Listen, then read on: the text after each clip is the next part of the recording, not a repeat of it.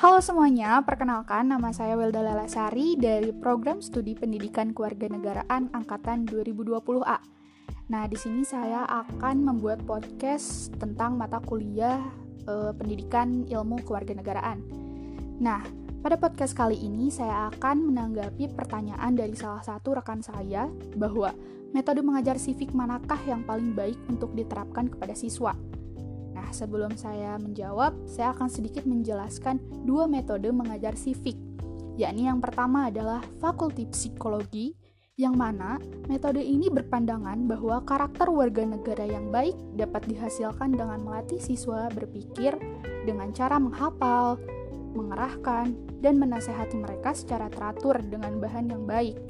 Sedangkan field psikologi beranggapan bahwa mengajar secara doktriner dianggap kurang efektif proses belajar dengan demokratis dan dinamislah yang dianggap lebih efektif dan akan memperoleh nilai yang sebenarnya.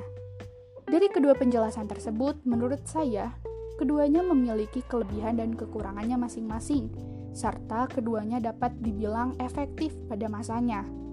Pada saat ini, yang lebih efektif dan bisa diterima oleh siswa adalah metode field psikologi, karena mengedepankan proses belajar mengajar yang demokratis di mana siswa diberikan peranan sehingga siswa bisa berpartisipasi aktif dan memberikan ruang untuk memecahkan masalah atau sering disebut dengan problem solving. Namun mungkin pada zaman dahulu metode fakulti psikologi lebih efektif diterapkan. Nah, hal ini dikarenakan karakteristik manusia atau warga negara zaman dulu dan zaman sekarang berbeda.